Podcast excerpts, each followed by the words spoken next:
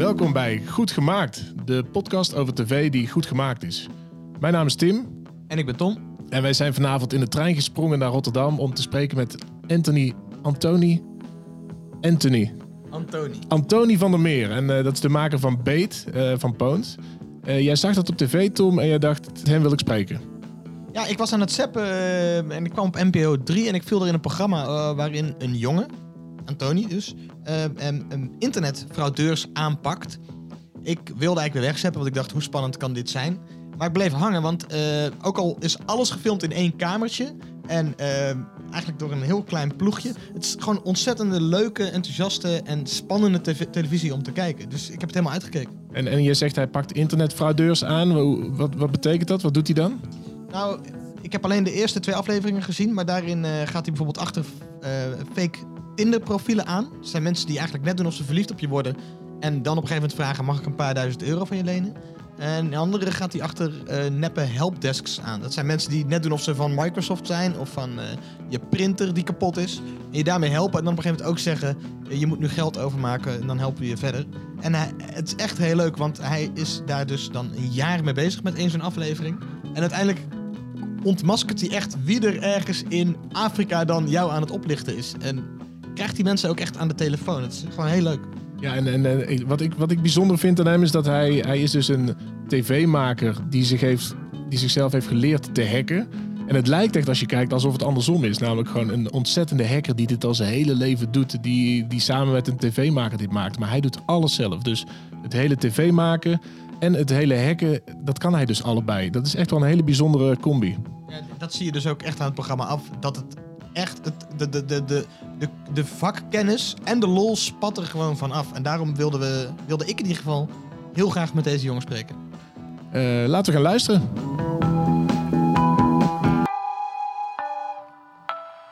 Antony van der Meer, welkom. Ja, ik zeg welkom, maar we zitten eigenlijk... Zijn we te gast bij jou? Ja, ja, soort van. Ja, ja, ja. Waar, waar zitten wij? We zitten in een eh, soort van flexruimte met heel veel luxe, luxe vergaderzalen. Eh, dat komt omdat mijn zus hier werkt en die heeft me een eh, abonnement cadeau kunnen doen. Want ik heb eigenlijk gewoon een werkplek thuis. Alleen eh, dit was makkelijker, omdat het dichter bij Centraal Station is. En dit is niet de plek waar jij beet opneemt, hè? Eh, sommige scènes wel, ja, ja. De, de dingen waar we als groep bij elkaar komen. Bijvoorbeeld, we hebben in de eerste aflevering gebeld met een aantal vrienden naar van die Indische callcenter scammers. En dat hebben we hier opgenomen, toevallig. Want we hebben je dus al geïntroduceerd, maar je maakt dus Beet. Wat een, eh, een, een, een, een eh, heel cool programma is. Eh, sterker nog, ik Thanks. pak even de recensie erbij over... die je kreeg in het NRC. Wat, wat, wat daar voor moois over je werd gezegd. Die wat onhandige anticlimax was ergens aan een passend slot van Beet. Dat is, min, dat is minder, maar dan staat er... ehm, dat het niet moet hebben van een gladde afwerking... maar dat bruist van de onderzoeksdrang en de creativiteit. En dan schrijft Trouw schrijft ook... ik vind mezelf best een slimpie en ruim geïnformeerd... maar Beet brengt me veel nieuws. Oh, dat is tof. Dat, wist, dat had ik niet... eh, Oh, dat had je niet ja, gelezen tof. nog? Ja, ja. Maar hoe vond je dat toen je dat las in het NRC? Het bruist van de onderzoeksdrang en creativiteit. Heb je dat zelf nooit dat iemand iets over je schrijft dat je dan vooral de negatieve zin onthoudt? Want dat was ik gewoon ook weer echt gewoon vergeten, die zin. Eh, ja, super tof. Dat vind ik echt heel, heel, eh, echt een super mooi compliment. Want het is, het, het kost wel echt een groot deel. Vooral die eerste aflevering, die heeft ook een acht maanden productietijd gekost ongeveer. Acht maanden. Ja, ja we hadden drie maanden budget. Dus eh, je kunt je voorstellen dat, dat ik dan heel blij ben met dat mensen het tof vinden. Vooral, want daar doe je het dan echt voor. voor aan het geld lachen niet. Eh, ja, ja, vet. En dan de, de grove afwerking vind ik eigenlijk ook wel een compliment. Want het is nooit ons doel geweest om een gelikt programma neer te zetten. Of in ieder geval mijn doel niet. Ik vind sowieso in mijn geval dat vorm vaak eh ongeschikt is aan, aan inhoud. En ik wil niks faken. Dus dan krijg je juist onhandige shots. En dat kan ook een stijlding worden. Dus dat, dat probeer ik dan ook eigenlijk. Eh, ja, dus tof. Heel vet. Ja. Nee, en wij zitten hier ook omdat we het echt super vet vonden. En ik, ik zepte er langs. Ik dacht, hé, hey, dit... En ik bleef erin hangen. Ik dacht, en dan ja? zie je... Oh, Nee, maar dan zie je wel dat het iets is wat, eh, wat eruit springt of zo. Het is niet gewoon geformateerd en, eh, of overgekocht uit het buitenland of het ik Nee, nee. nagemaakt. Maar je ziet echt gewoon...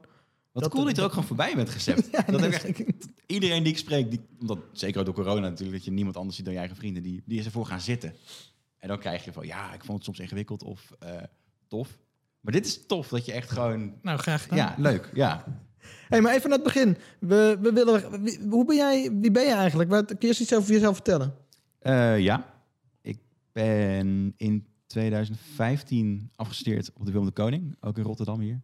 En in Beet zie je natuurlijk veel technische dingen, maar ik ben helemaal geen IT'er.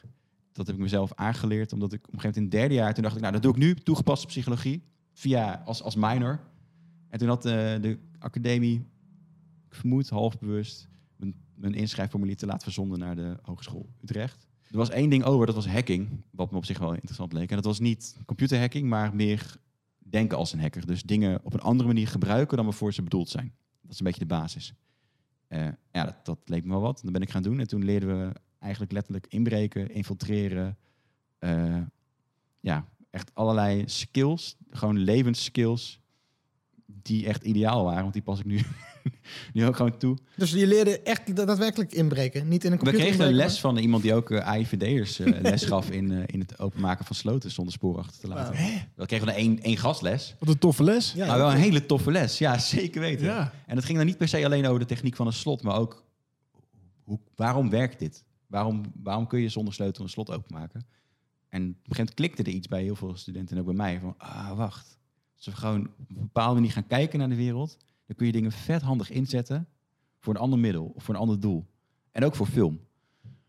Nou, rond die tijd werd mijn iPhone gestolen. En dat was echt het jaar dat Find My iPhone net eh, ingevoegd was in de, in de telefoons. Ja. Die app, een app op je iPhone Ja. mee kan vinden. Ja, precies. Ja, en dat was echt net bij Apple geïntroduceerd. Eh, dus dat zet me aan het denken. Want we zijn toen die telefoon gaan volgen via Find My iPhone. En we konden hem echt een paar meter, of een paar kilometer konden we hem volgen. Achteraan gerend, politie bij betrokken. Was vet spannend. En dat zet me aan het denken van wat nou als ik expres een telefoon laat stelen om te achterhalen. Aan de ene kant een privacy issue te laten zien. Hoeveel delen we met onze telefoon en wat als je letterlijk meekijkt.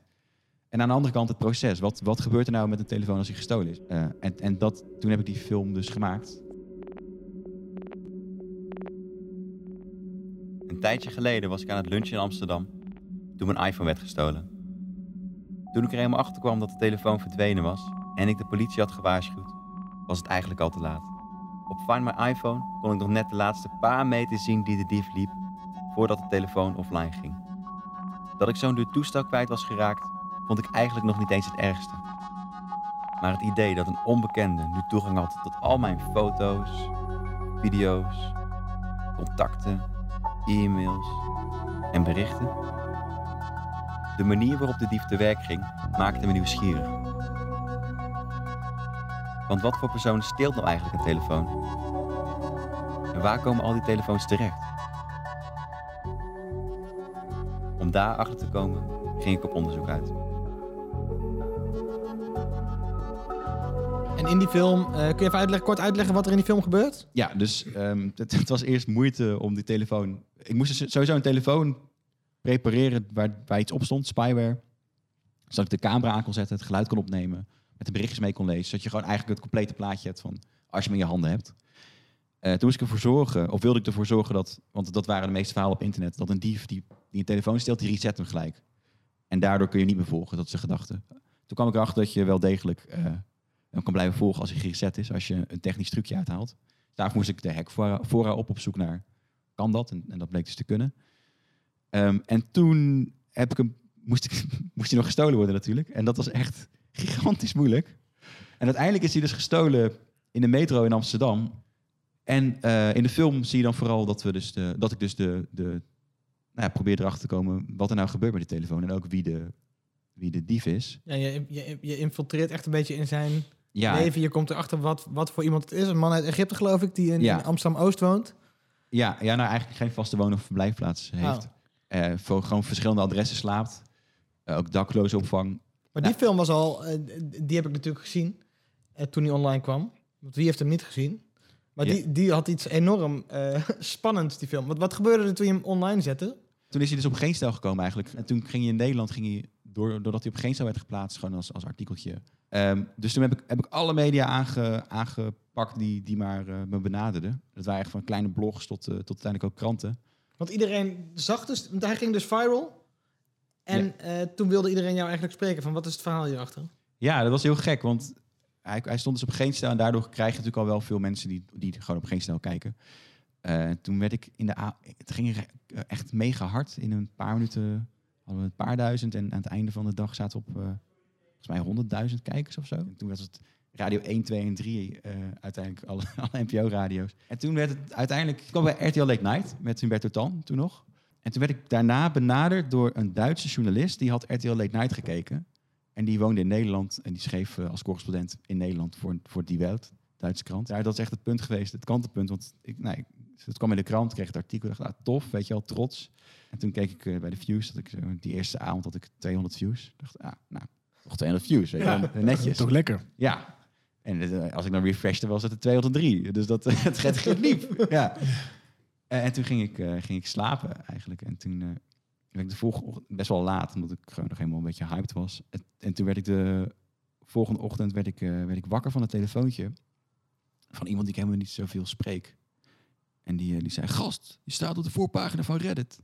Ja, ik heb jou op Reddit, ik heb hem op Reddit gezien. Ja. Ik dacht, hè, Reddit? En toen bleek inderdaad, had ik ineens een miljoen views. Het was gewoon van 203, Wauw. boom, miljoen. Wauw. En dat is toen uiteindelijk eh, doorgerold. En toen kwamen er, eh, net als in Nederland, allerlei media. Van CNN Turkije tot en met nieuw, de ja, Washington Post, volgens mij.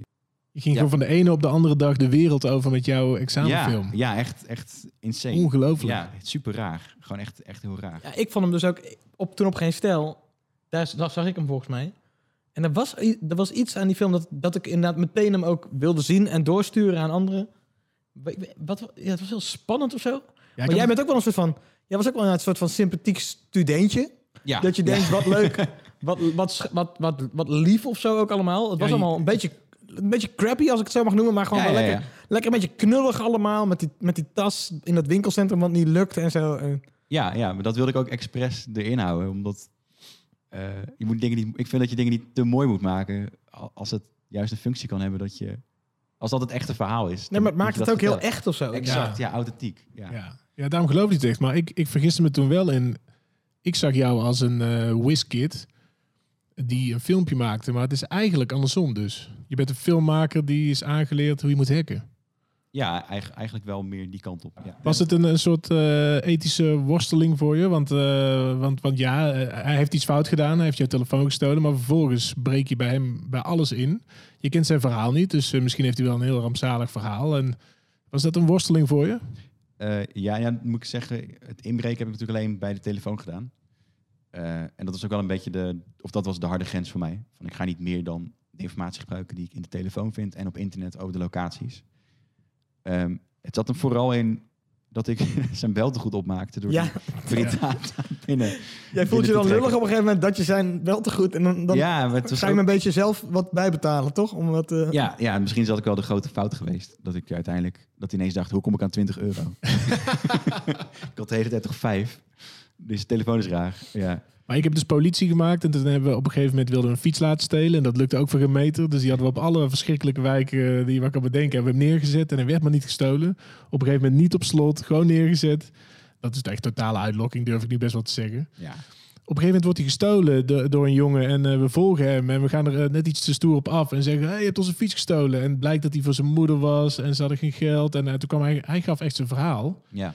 En ik heb het daarna echt slecht gevoeld. Ik heb echt Ja, gedacht, wat zijn we nou in godsnaam aan het doen? Weet je wel? Ik bedoel, dat, wat hij doet is niet goed te praten, maar, Het is Het niet is- proportioneel. maar gaan wij hier nou een tv-programma van maken? Dus ik voelde dat. En toen ik jou, ik, ik, zat, ik zat weer terug te kijken, ook jouw film, dacht ik van, oh ja, dat is wel een beetje die, diezelfde grens waar je op zit. Of Ja, zo. ja, zeker. Ja. En dat is ook wel, denk ik, een lijn die in, in heel veel van mijn, van mijn werk zit.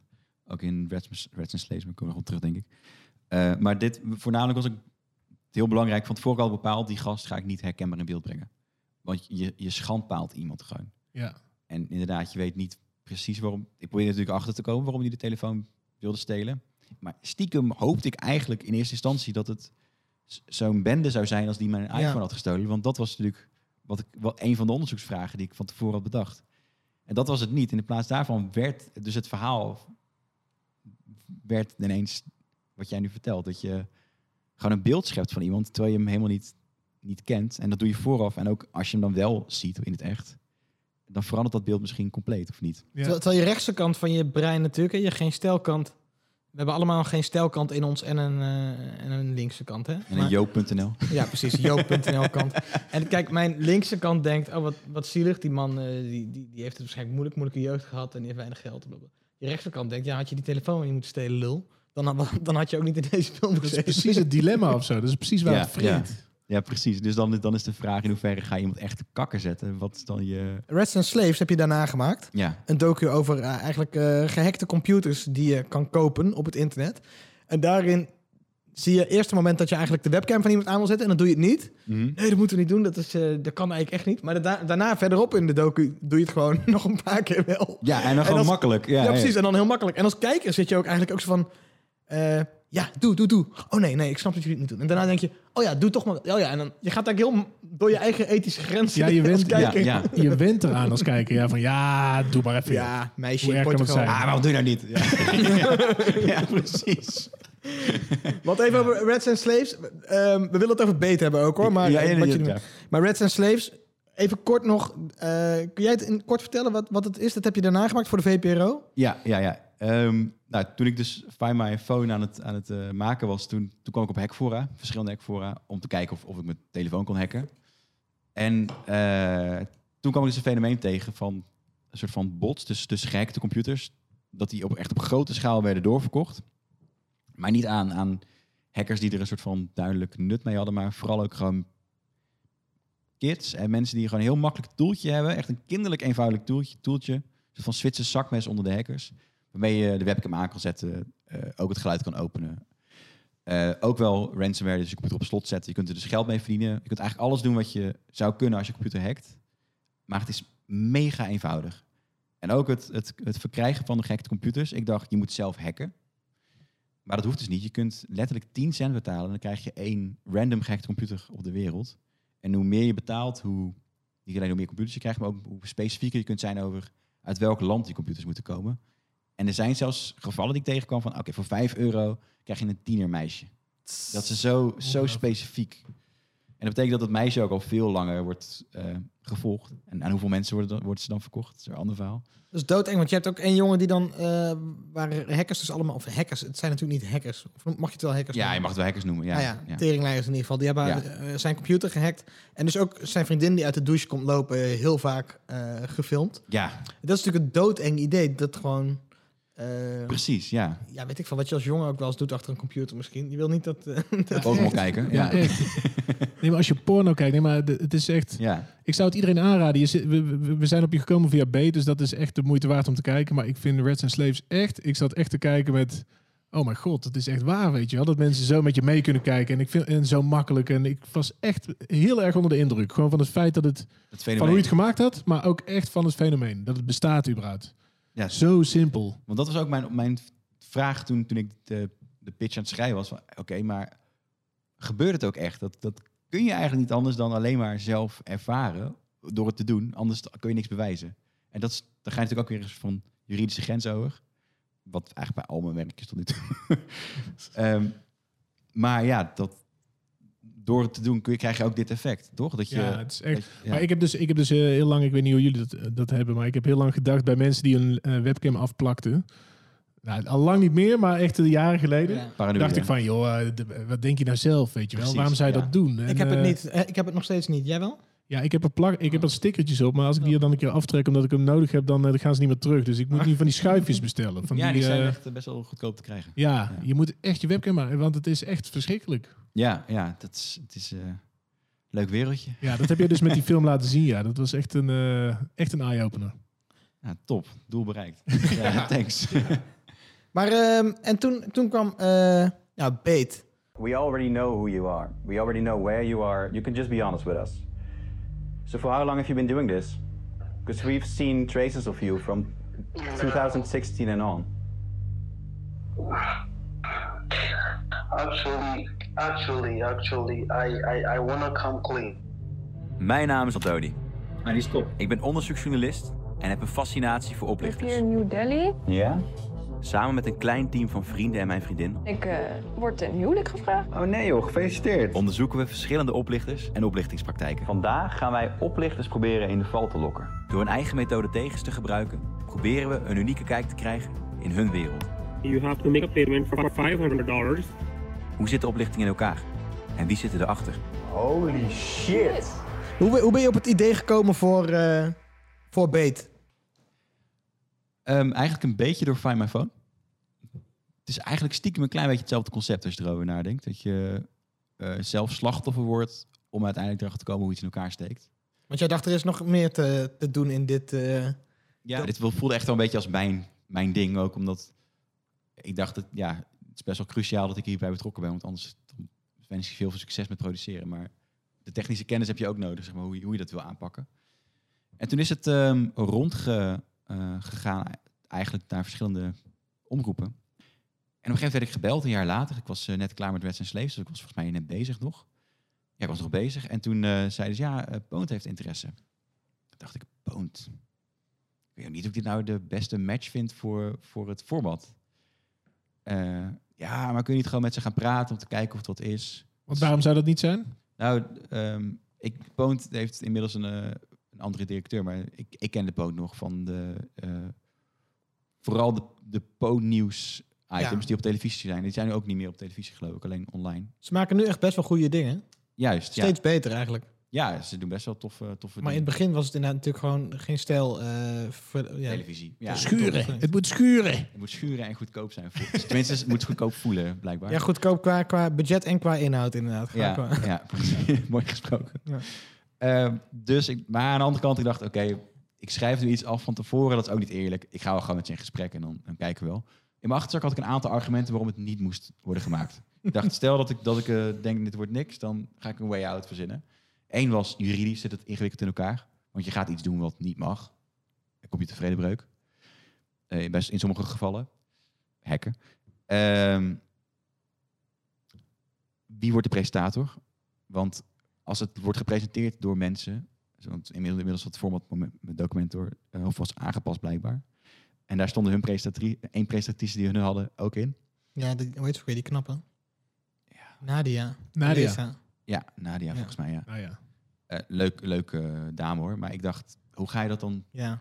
praktisch doen? Want dan krijg je uiteindelijk een soort van dat iemand anders het gaat onderzoeken en zij het gaat vertellen. Of zo. Ja, maar dat was, Ja.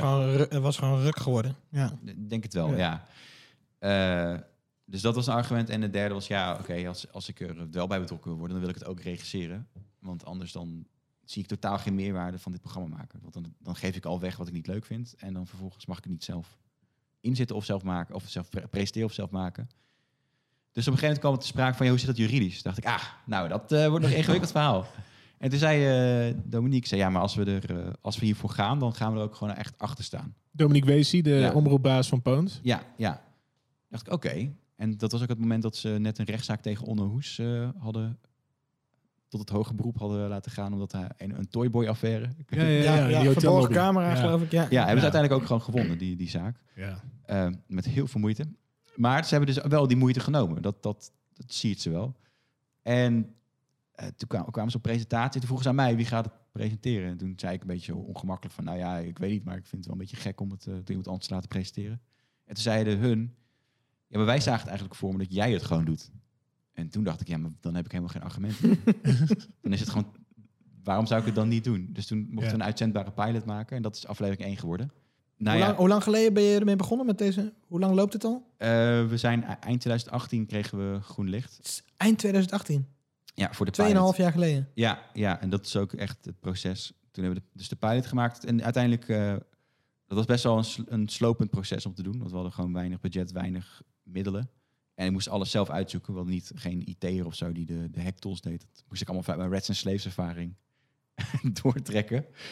Ehm, ja, en omdat er dus, er waren blijkbaar een hele hoge groep tieners in Amerika op dat moment bezig met het pesten van die callcenters. Die gingen dan expres gesprekken voelen, voeren voor een kwartier of drie. En dan hingen ze op uit het niets. Dus Even vertellen waar, je, waar het over gaat, Beet. Goed punt. We hebben denk ik, misschien hebben we het al geïntroduceerd. Ja, maar, Maar niet- voor het geval van niet, je hebt, het zijn vier afleveringen. Gek Ja. genoeg twee uitgezonden in januari, twee in maart. Ja. Eh, Ja, uiteindelijk dus alle vier in maart opnieuw, eh, in totaal. oh, echt? Ze worden al, de andere twee worden ook in maart nog een keer Ja, ja, uitgezonden. dus eigenlijk heb je een sneak preview gehad. eh, Oh, wat goed. de eerste twee, ja. Maar jij gaat eigenlijk eh, hackers eh, hacken, terugpakken. Eh, en in de eerste aflevering doe je dat met, met helpdesk fraude volgens mij. Ja, dus dat zijn de mensen die... Je kent ze voornamelijk van de verhalen dat iemand, wordt iemand naar je huistelefoon belt of naar de huistelefoon je- van je ouders en dan zegt hello, we're from Microsoft, you have a problem. Eh, dat is de oude methode. Blijkt dat veel meer jongeren erin trappen in de, de nieuwe methode dat ze zelf helpdesk websites opzetten en dan kopen ze AdWords op Google in, zodat ze hoog in de resultaten komen. Ja, en dan google je, mijn, mijn printer doet het niet of mijn Microsoft loopt vast. En dan zie je een, een Nederlands nummer staan. En Ja. dan denk je, oh, dat zal dan wel de helpdesk van mijn printer zijn of van Microsoft. En ja, dan bel je die. van Facebook of YouTube. Ja, maar er zitten scammers achter. Ja, en, en met name als het een Amerikaans bedrijf is, dan is het niet zo gek dat iemand in het Engels opneemt, voor veel mensen. Nee, India en zo, ja. Ja, want er heel veel echte helpdesks zitten ook in India. En dan eh, doen ze echt, zijn ze de perfecte klantenservice. Gewoon drie kwartier lang zijn ze je aan het helpen, denk je. Op je aan het, in, aan het praten in ieder geval. En, en aan het geruststellen, vriendelijk, nemen de tijd voor je. En na drie kwartier komt er een kantelpunt. Dat ze ineens iets heel vanzelfsprekends gaan vragen, wat helemaal niet zo vanzelfsprekend is. En dat kan of zijn, oké, eh, we hebben het gefixt, maar eh, om het probleem blijvend te fixen moet je een heel groot bedrag betalen. Of we willen even verifiëren of het wel jouw account is. Dus je moet even 1 cent overmaken en dan maak je uiteindelijk eh 1001 cent over bijvoorbeeld. Ja, per ongeluk. Of eh, 1000 euro en 1 cent, ja. En dan zeggen ze, oh nee, dat is een terugbetaling, ga ik nu regelen. En dan, dan vullen ze opnieuw bedrag en dan betaal je het opnieuw. Eh, ja, en zo worden er nog steeds ook best wel veel jongeren dus, dus eh, ingeluisterd. Ehm, en het begint is dat ze, ze willen je helpen en door je te, om je te helpen willen ze eerst je computer overnemen, zodat ze het probleem zelf kunnen zien. En dat deden ze vroeger met TeamViewer, zo'n op afstandprogramma. Nu doen ze allerlei andere programma's, gebruiken daarvoor. En dat zijn dezelfde programma's die Microsoft ook gebruikt om computers over te nemen om te helpen. Dus soms dan download je het programma ook letterlijk van de Microsoft website af. Wat nog meer geloofwaardigheid creëert. Nou, dat ik het allemaal weet, komt omdat we dit echt tot de bodem proberen uit te zoeken dan. Dus we beginnen gewoon met het fenomeen. Oké, waarom worden die mensen nog steeds gebeld? Eh, en waarom gebeurt er nog steeds? Wie trapt die nou in? En dan proberen we zelf slachtoffer te worden. En dan, als je eenmaal weet hoe de dader werkt, proberen we echt achter te komen wat ze precies uithalen vanaf de slachtofferkant. Dan proberen we de rollen om te draaien. Dan proberen we te kijken, oké, waar zit de zwakte bij de dader om hun in de val te laten lopen? Om vanuit hun ogen eigenlijk te kijken naar de, naar de slachtoffers. En dat wil zeggen, je gaat, je gaat de dader hacken. Je gaat op zijn of haar computer meekijken. En je Ja. gaat er gewoon helemaal trucje helemaal omdraaien. Ja, dus je probeert hun een, eh, een, een Ja. appje te laten downloaden of een, eh, Ja. een link aan te laten klikken of een foto te laten downloaden. Dat kan. Ja, dus dat is bij aflevering 1 vooral. eh, aflevering 2, datingfraude, eh, is de truc een social engineering. Dat ze je aan de praat houden om je uiteindelijk te overtuigen om iets te doen waar je eigenlijk geen zin in hebt. Geld overmaken. Ja, dus dan zit je op Tinder en dan heb je een leuke match. En dan ga je heel lang praten, praten, praten. Ik hou zo van je tot de huwelijksaanzoeken toe. Ja, en, en dan na, een maand na je eerste huwelijksaanzoek, dan pas komt de aap uit de mouw dat ze ineens een probleem hebben. Ja. En ze, schei- ze schuwen ook echt niet om, bijvoorbeeld, als ze weten dat jij zelf weduwenaar bent bijvoorbeeld, eh, dan zeggen hun ook, ja, mijn vrouw is ook gestorven aan kanker. Of eh, om zo eh, extra emotionele lading te, te dekken. Of zelfs, mijn dochter is ziek. Ze moet nu een, re- een ziekenhuisrekening betalen. En dan photoshoppen ze ook die rekeningen om mensen echt gewoon helemaal eh, ja, ziek, ziek hard te manipuleren. Ja. Dus dat draaiden wij dan ook om. Dan gingen we hun manipuleren door gewoon hun, hun deden dan probeerden na vier weken de, de, het erin te rollen, zeg maar hun geld. eh, stil trucje. En wij, Na vier weken. Ja, en wij na acht weken dan onze eerste poging om, om hem erin te luisteren. Zodat, je, eh, zodat hij zelf al lang vertrouwen had. Al lang, dat van, de truc is dat de oplichter denkt... ja, maar niemand gaat die moeite nemen... om mij acht weken lang aan het, lijntje te houden. En dat doen wij dus wel. Dus Ja, is- ja, ja, ja. Maar dit is ook zo vet aan het programma. Ehm, je ziet dus als een, als een, laten we zeggen, gewoon een groot commercieel productiebedrijf dit zou maken, dan zou er nooit acht weken voor zijn. Dan zouden ze zeggen, van, ja, maar we moeten aanleveren over eh, vier weken.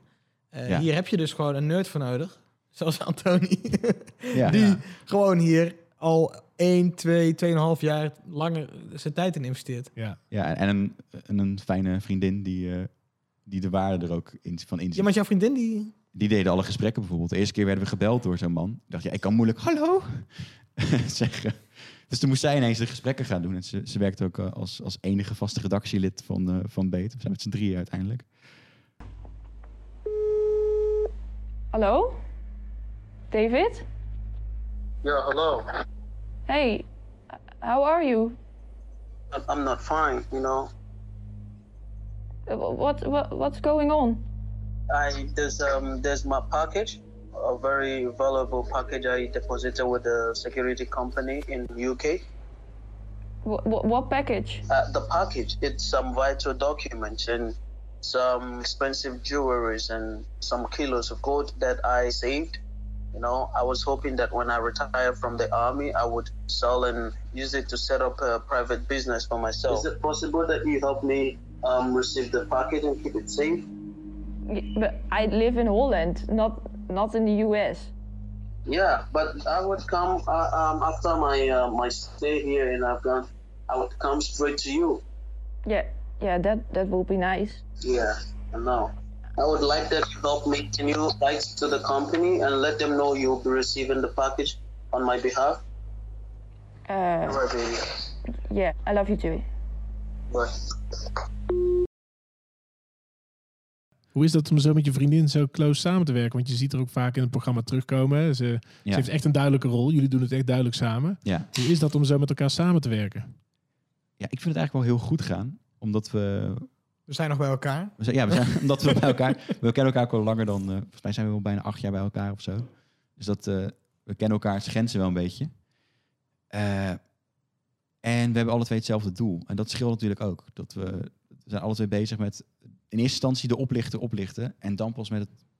Ik ben er nog bezig met het programma maken. Maar dat is in eerste instantie het doel. Wie zijn het? Ook zorgen dat journalistiek gewoon staat. Want stel dat we een keertje worden aangeklaagd... voor welk onderwerp we dan ook nog gaan behandelen... moeten we wel kunnen aantonen... nee, het is echt onzin wat hier wordt gezegd. Dit is ons dossier. Eh, en soms leveren we ook dossiers aan bij justitie... als we denken, nou, hier moeten jullie iets mee. Maar gewoon hebben jullie nooit Ja. een... eh, Want, want, want kijk, nu met corona zit je veel thuis te werken. Dat geldt voor veel mensen. En dan gaat je privé en je werk gaat al meer door elkaar. Mhm. Maar bij jullie is dat helemaal. Je filmt thuis, Ja. jullie doen het samen. Ja, het is een Eh, onderdeel van het verhaal, de relatie. Je ja. bent, ja, jullie zijn helemaal... Jullie zijn dit programma. Is dat niet af en toe spannend ook? Dat je denkt, ja, is leuk zo'n programma. Maar je wil niet dat je relatie erop stuk loopt, bijvoorbeeld. Ja, dat, dat is zeker waar. Alleen ik denk dat we daar wel een goede, goede balans hebben gevonden. Het is denk ik nog belangrijker voor ons alle twee dat het het allemaal waard is. Dat het programma dan ook niet afgeraffeld wordt nu aan het einde. Omdat we geen tijd meer hebben. Want dan heb je zoveel geïnvesteerd. En ook inderdaad een stukje frustratie bij elkaar misschien wel. Dan wil je ook dat het afgewerkt wordt zoals je voor ogen hebt. Of het dan goed is of niet, dat, dat is dan aan de kijker. Maar in ieder geval dat we die ruimte wel houden. Ja. Jij Heb zit, je- nu, jij zit nu heel lekker in de stress, toch, geloof ik? Ja, ik heb eh, morgen mijn, eh, mijn deadline voor Poont. Dan eh, gaat de eerste versie van de laatste aflevering die kant op. Het is een pittige. Hij is ook, Waar gaan, de, waar gaan drie en vier over? drie gaat over phishing. Dus we gaan Nederlandse boeven pakken. Ook wel echt gepakt, dus dat is wel tof. Vind ik. we hebben gewoon wel echt mensen ge- laten arresteren. En vier gaat over al die fucking spam die je overal ziet op social media, maar ook in je mailbox. Seksspam eigenlijk. Ja, heb je dat? Ik heb dat helemaal niet. Jij, Tom? Ik heb nu toevallig deze week... Oh, jij ook niet. Oh, Jawel, ik heb echt heel veel Mijn Facebook manager op Messenger komt opeens echt Echt niet normaal. elke dag ja? allemaal Wat is eh, dingen. dat? En ja, Instagram dat- ook? aflevering 4 gaat het. eh, dat is het, het 25 wordt die uitgezonden, geloof ik, van maart. 25 maart. Grappig dat jullie het ook hebben. Ik heb elke dag misschien wel tien berichtjes van die chatverzoeken op, Ja. op Facebook en Instagram van seks. Ja, van meisjes die seks aanbieden, zogenaamd. Maar zijn het niet Ja. gewoon echt meisjes die met jou seks willen? Ja, nee, die, die filter ik er dan al uit. Die staan niet in je spam. eh. Precies. Ja. Hey, maar wat zo, wat zo vet is aan Beet... ehm, eh, wat ik knap vind... Kijk, wij zijn eh, ook allebei regisseurs, tv-makers. Mhm. En wij zijn altijd bezig met... eh, moeten we het niet meer buiten filmen, loopshots? eh, hoe gaan we dit, eh, deze scène leuk maken in een fabriek? Of moeten ze iets doen? Of moeten ze... Hoe gaan we het visueel maken? Jij zit gewoon vier afleveringen lang... waarvan ik het twee heb gezien in een, in een kantoortje of in een werkkamer... Met je computer en je, en je, en je bleke, je bleke, je bleke hoofd. Eh, je vriendin die, die is af en toe nog buiten, want die heeft dan een, die heeft dan een kleurtje. Maar maar eh, ik, vind het, ik snap eigenlijk niet hoe je het doet. Hoe, hoe zorg je ervoor dat het, dat het telkens leuk blijft om te kijken... terwijl je gewoon die kamer niet verlaat? Ja, het is inhoud, toch? Het, uiteindelijk is... Als, als je het verhaal op papier goed kan, kan, kan Storytelling. maken... Ja, dan, dan maakt eigenlijk niet zo heel veel uit. Dan moet het niet gaan storen. Dat is, dat is dan de kern eigenlijk. Nee, maar wij maken ook programma's die inhoudelijk eh, helemaal top zijn. Maar Ja, dat alsnog inderdaad, ja. als, je dan, als je dan drie of vier minuten in één ruimte bent... bijvoorbeeld in deze ruimte waar wij nu zitten... dit is een vergaderruimte... eh er, is echt, er is echt niks aan, aan deze ruimte. Nee. Maar jij draait in dit soort ruimtes. Als, en, en ik wou zeggen, als wij dan drie of vier minuten daar zitten, dan voelen wij ons heel slecht. Dan denken we, oh, we moeten, we moeten eruit, weet je wel. We, Mhm. moeten, we moeten naar buiten, afwisseling. Maar dat... Dus het is niet alleen maar inhoud, denk ik. Ja, ja, Hoe doe je dat? Ja, ik denk dat ik toch bij mijn antwoord blijf. Het is, het is, ik maak wel de keuze natuurlijk. eh, nou, het verschil is denk ik ook, als je een interview moet draaien in zo'n ruimte, dan, dan ga je dat krijgen. Want dan heb je gewoon een man op een stoel die praat, bijvoorbeeld. Alleen vaak als ik in mijn kantoorruimte zit, dan, dan heb ik iets te laten zien. Dus dan stap je toch eventjes uit die ruimte in mijn beeldscherm in. En, en het is heel dichtbij, maar voor, de, voor je gevoel ook weer niet. Want het is toch een totaal andere wereld waar je eventjes in kijkt. Ja. En heel veel dingen zijn ook voor voice-over gedreven in, in, eh, in Beet, inderdaad. Omdat het gewoon... Bijvoorbeeld voor aflevering Datingvrouw hadden we 42 draaidagen eh, hebben we gehad. 42. Nou ja, zelf gedraaide draaidagen, zeg maar. We hadden natuurlijk niet het budget voor, eh, voor dat. Maar dat, dat hebben we allemaal moeten filteren naar, naar een aflevering van eh 40 minuten officieel. Dus dan moet je dingen gewoon aan elkaar lullen. En dan blijft inderdaad ook de, qua variatie is het vaak kleding. Ja. Want de ruimte is hetzelfde, ja. Dat klopt. Ja, dus voor tijdsprongjes zijn dat dan de dingen. Maar hoe absurd veel werk zit er dan niet in? Je hebt dus 42 dagen. Wie, wie filmt het? Heb je twee camera's of één? Ehm, ik film zelf deels dingen. En eh, ik heb een bovenbuurman die eh, ook filmmaker is. Oh, je bovenbuurman. Ja, dus we kunnen letterlijk gewoon... eh Alwin, kom, kom nu hierheen, er gaat iets gebeuren. Ja, en soms dan, dan zit ik bij hem. Ik heb bijvoorbeeld, laatst zat ik bij hem een podcast... hij heeft ook een podcast op te nemen. En toen werden we gebeld door een oplichter. Ik zei, pak nu je camera, dit gaat, dit gaat zo in de uitzending komen. Ja dat, eh, ja, dat moet je op mijn geluk hebben. Nu kan het ook. Misschien, ik zit Ja. ook te denken over die spanning gewoon. Misschien is het ook wel omdat jij, als je klassiek een item op wil bouwen, dan doe je eerst een exterieur van het gebouw. Ja. En dan laat je even een totaalshot zien van de ruimte. En dan ga je eens een keer close op iemand in. Maar misschien is het juist wel door dat niet te doen. Want ja, ik zie bij jou bijna nooit een exterieur of Nee. een eh, totaal van de ruimte. Nee. Misschien maakt dat het ook wel spannend of zo. Dat je, dat je eigenlijk niet, dat je heel veel weglaat. Misschien. Ja, nee, je gaat in ieder geval geen moeite doen om... Je hebt gewoon wel scheid aan conventies. Ja. Ondertussen ga je natuurlijk... Je gaat visueel misschien nergens heen. Of ja, visueel wel. Je gaat fysiek nergens heen. Maar ondertussen reis je wel van... Van, wat was het, Oeganda of Nigeria? Of eh, Ja, alle twee. van, naar India, Ghana, naar, naar, ja. naar, naar, naar Canada. Naar, Hongkong gaan we nu heen. ja, precies. Je, re- je reist eigenlijk stiekem heel de wereld Ja. over. Servië, Portugal. Ja. Eh, en je, wat je heel goed doet, en dat, dat, is, dat lijkt een beetje, dat wil ik je ook vragen, dat lijkt afgekeken van Netflix. Maar je bent heel goed in closejes van computerschermen. Ik loop daar zelf altijd mee te klooien van hoe, hoe krijg je dat nou mooi in beeld. Maar jij hebt iets gevonden, een maniertje om extreme closejes te maken van je scherm, dat je echt in die computer kruipt. Ja, ja. Is dat in After Effects gedaan? Of heb je dat, film je dat echt? Of? Een beetje van beide. Dat, dat, dat zat al in, eh, in Find My Phone. Eh, en ik heb het weer afgekeken van, eh, van Catfish eigenlijk. Ik vond het heel tof dat ze gewoon een scherm een scherm lieten zijn. Catfish is een MTV-programma volgens mij, toch? Ja, het is eigenlijk de, ik bedoel eigenlijk de film. Oh, de film. Ja, hoe doe je dat dan. Hoe, hoe draai jij die beeldschermen? Wat, wat, wat is Nou je ja, geheim? Mijn geheim is dat ik voornamelijk gewoon, gewoon echt beeldschermen draai. Ehm, met de autofocus uit, anders krijg je dat hij de hele tijd gaat springen. Ja. Ehm, en ik heb een eh, een aantal beeldschermen al gedraaid. En die leg ik soms over g- gescreen captured beeld heen. Dus het blijft analoog, eh, of het blijft gewoon gefilmd beeld. Alleen er ligt een laag, dat ligt als laag overheen. En dan gebruik ik wat effecten om, om, lens, om de lensblur weer terug te krijgen in het shot. Zodat je alsnog het idee hebt dat er een soort van scherpte diepte is. Wauw. En dat is super handig als je moet censureren. Want heel veel dingen die je op het scherm ziet eh, op televisie, dat, dat is maar een fractie van wat ik in het echt heb gezien. Weet je, ik laat ook dingen weg omdat mensen herleidbaar worden of Ja. ja, tools die je niet wilt delen met anderen. En die kun je dan wel mooi wegpoetsen zonder dat mensen zien dat het weggepoetst is, dat het niet een blurretje is of zo. Eh, Wauw. En dat doe je dus ook allemaal zelf. Dus even, eh, je Ja. bent de regisseur, je bent de presentator, je bent de, de expert op het gebied van hacken. Er is niemand anders in jullie team die dat doet. we hebben nu wel een extra man in Zweden erbij die Ja. bijvoorbeeld de app heeft gemaakt. Want dat kan Ja. ik dan weer niet. Maar in Nee. principe doe jij dat. Ja. Je doet de montage, deels. ja, ja, ik zit wel altijd bij de montage en nu maak ik hem ook af. Maar dat voel je dus aan dit programma. Dit is helemaal, dit is helemaal jij. En, Ja. dat, ma en Ja, dat ja. maakt het zo tof. En daarom pik je denk ik ook dat we niet door een veld gaan rennen of in een trein. zitten. Zeg maar, ik denk dat dat het gewoon is. Je bent gewoon een half uur of 40 minuten te gast in jouw hoofd. Ja, en, en net zoals bij my, Find My iPhone, je, je gaat mee eigenlijk op dat echt een onderzoeks... Je wil gewoon weten hoe loopt dit af en je gaat mee met jouw onderzoek. Ja, het is niet Ja, een top. geacteerd gesprekje van... eh hey jongens, eh ja, Rambam Rambam, hebben we al ja, eerder genoemd. Maar Ja, niet zo'n geacteerd gesprekje is het niet. Ja, dat, het, dat vind ik echt cringe als dat Ja. gebeurt. Dat, er is ook zo'n ander nieuw programma. wat best Ja, wel tof is. propaganda. Ja, qua Ja. onderwerp is best wel tof. Alleen Ja, maar daar hebben ze dat ook. Ja, Is ook weer CCP trouwens. Als zonde. iemand luistert van Zelfde CCP... zelfde producent. Ja, zelfde producent. Ja, ja, nou, ja, precies. Ja. Maar dat is dus echt, dat, dat is dus de les of zo van als je echt iets tofs wil maken, dan kom je er daar gewoon niet mee weg met, met, met dit soort geacteerde oplossingen die wel binnen een week te draaien zijn. Sterker nog, ik, heb dus ja, een, ja. ik heb, ben ooit door de, door de VPRO ook gevraagd of ik een programma over hacken wilde maken. Met een, eh, ik had toen net de slimste mens gewonnen en ze dachten we gaan een programma met hem maken. Heb jij de slimste mens gewonnen, Tom? Jazeker. vet. Jazeker. Twee, Wat goed. Winterseizoen 2015. Nou ja. Boom. Ja, boom. Eh, maar toen hebben we dat gemaakt met Ricky Gevers, een bekende ethisch hacker. Ken je Ja, die toevallig? ik, ik ken zijn naam. Ja.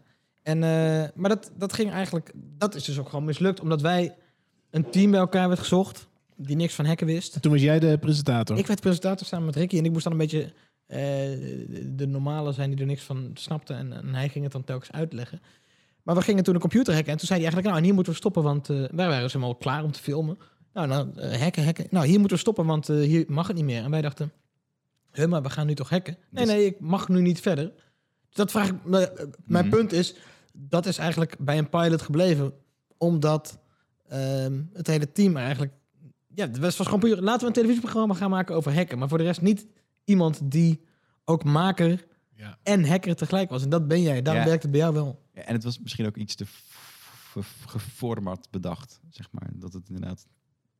Het is best Echt wel tv. echt, echt ouderwets tv. Ja, het was oud. Ja, het was Een beetje ouderwets Peppy TV. en Kokkie. Of Abbassi en Adriaan, weet je Ja. wel. Oh, Maar hoe, werkt, maar hoe werkt dat dan, bij Ja, Adriaan? Ja, ja, Ja. ja. Ja. Nee, klopt. En dat is zonde, want het, het Maar we zijn wel heel veel buiten geweest. We hadden, we hadden mooie buitenshots. een En- bankje heb ik gezien. Ja, bankje. Ja, Maar wat ik ik me wel al... toevallig eh, die pilot, want ik heb voor de Reds and Slaves, eh, nou, dan voor het publiek, eh, gepitcht bij de VPRO en ook gemaakt voor de VPRO. Toen, toen haalden ze, dat, was dat programma echt net, of die, die pilot net, net af. Die heb ik toen nog eh, gekeken Ja, voor de toen wist je hoe het niet moest, inderdaad. Ja.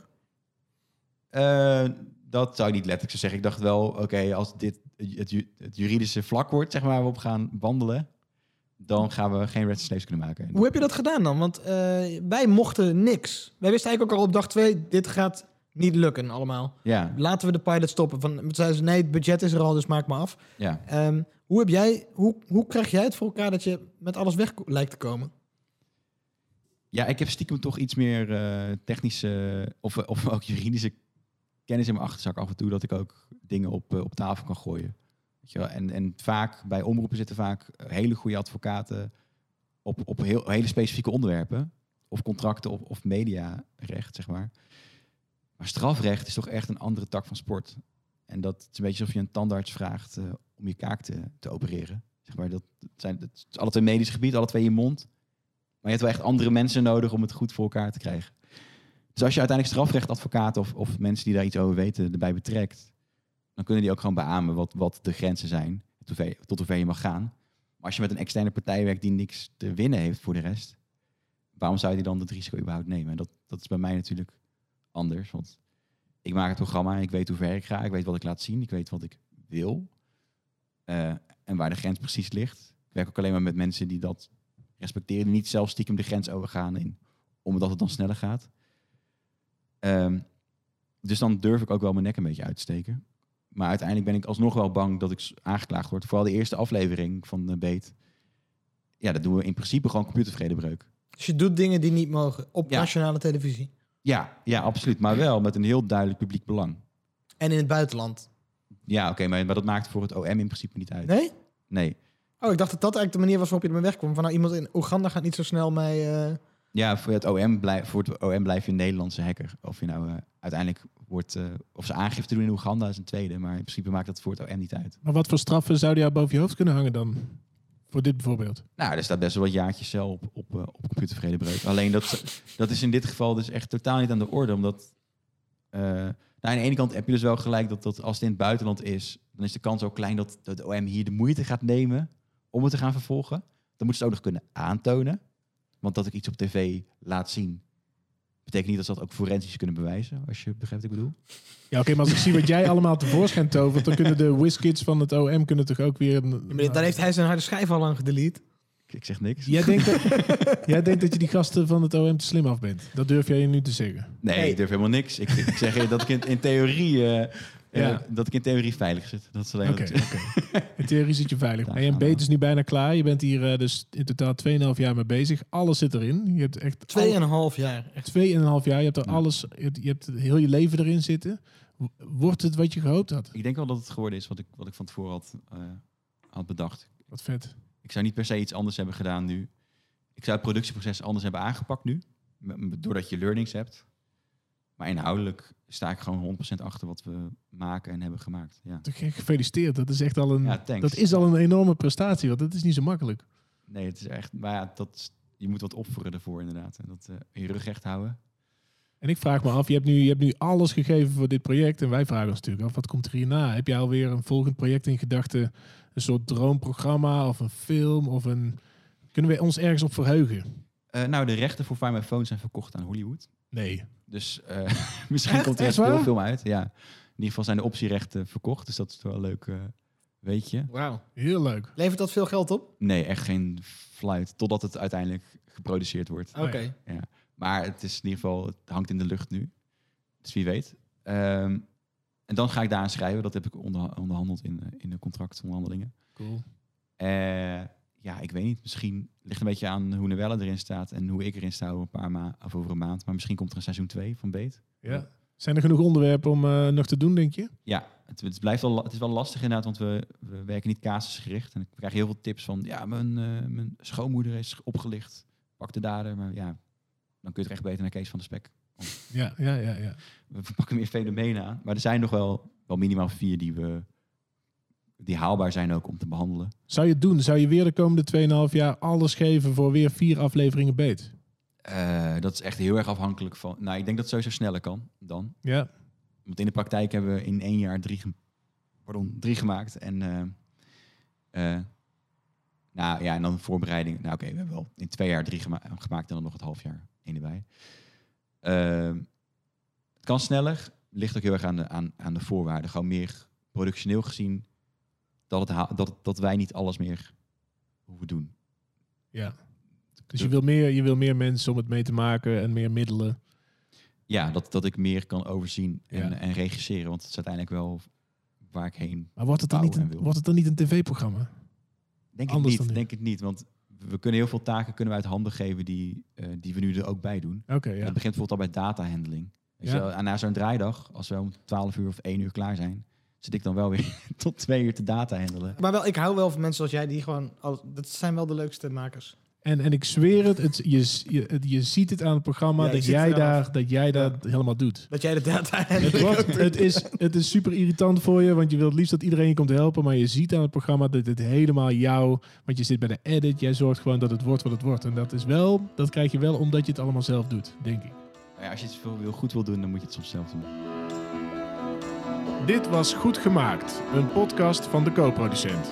Het schijnt ons enorm te helpen als jullie je abonneren of een recensie achterlaten. En tip het ook gerust aan je vrienden of je collega's. Tot later!